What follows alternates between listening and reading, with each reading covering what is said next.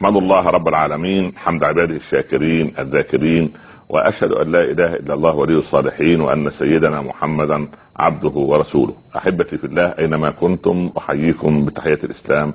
السلام عليكم ورحمة الله تعالى وبركاته. وبعد نحن نبدأ اليوم بمشيئة الرحمن هذه الأيام الفضيلة التي نسأل الله سبحانه وتعالى أن يعيدها على الأمة الإسلامية بالخير واليمن والبركات وأن يحول حال هذه الأمة إلى أفضل حال وأن يردها إلى دينها ردا جميلا حسنا وأن يتقبل منا ومنكم صالح الأعمال. إن ربي على ما يشاء قدير وبعد.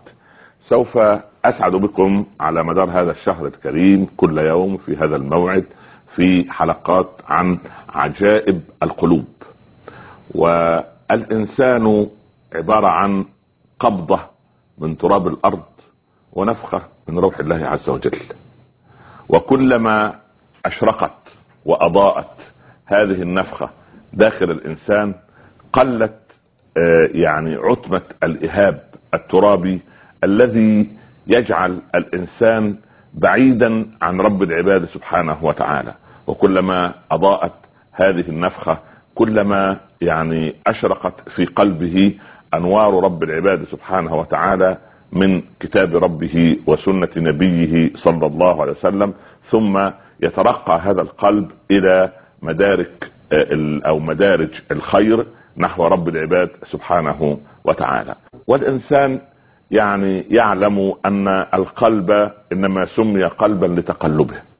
ونحن في هذه الأيام وهذا المعلم أنت آه، يعني عزيزي وأخي الكريم المشاهد وابنتنا المشاهدة أن نحن على مشارف هذا الشهر الكريم كأنما العبد يسافر عبر الزمان والمكان وهو في مكانه.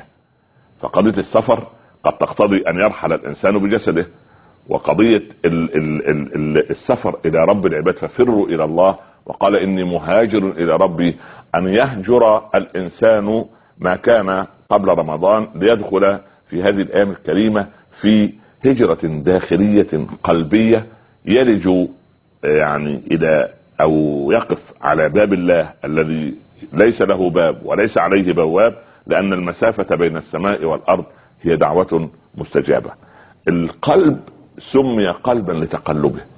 لحظة من انشراح الصدر لحظة من انقباض الصدر لحظة من الإقبال لحظة من الإدبار. إن للقلوب إقبالا وإدبارا. إن للقلوب إقبالا وإدبارا. فإن أقبلت فتنفلوا. وإن أدبرت فأدوا الفريضة. يعني هذا هو يعني هاتان حالتان للقلب.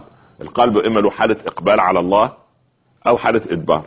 فإن أقبلت فتنفلوا. هذه أيام طيبة تساعد البيئة العامة والجو العام وروحانيات رمضان وهذه الأيام الطيبة وقضية الجوع وقضية العطش وقضية قيام الليل كل هذه تساعد على إقبال القلب. فيأمرنا النبي صلى الله عليه وسلم ويحفزنا ويشجعنا أن القلب إذا أقبل ما عليه إلا أن يكثر من رصيد الخيرات. وإذا أدبر يعني توقف وشعر بشيء من القسوة أو القساوة أو شيء من ذلك عندئذ عليه بأداء الفريضة وهذا هو الحد الأدنى الذي يفصل المسلم عن غير المسلم. لكن لنا في هذه المقدمة بين برنامج عجائب القلوب كلمات يجب أن تقال. أنت اليوم في أول يوم في رمضان.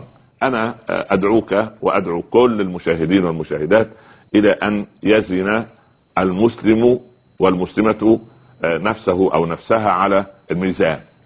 فإن كان في بداية رمضان مثلا يعني سبعين كيلو جرام وجب في آخر رمضان أن يكون آه، سبعة وستين أو خمسة وستين لكن أن يكون في أول رمضان سبعين وآخر رمضان تسعين هذه كارثة.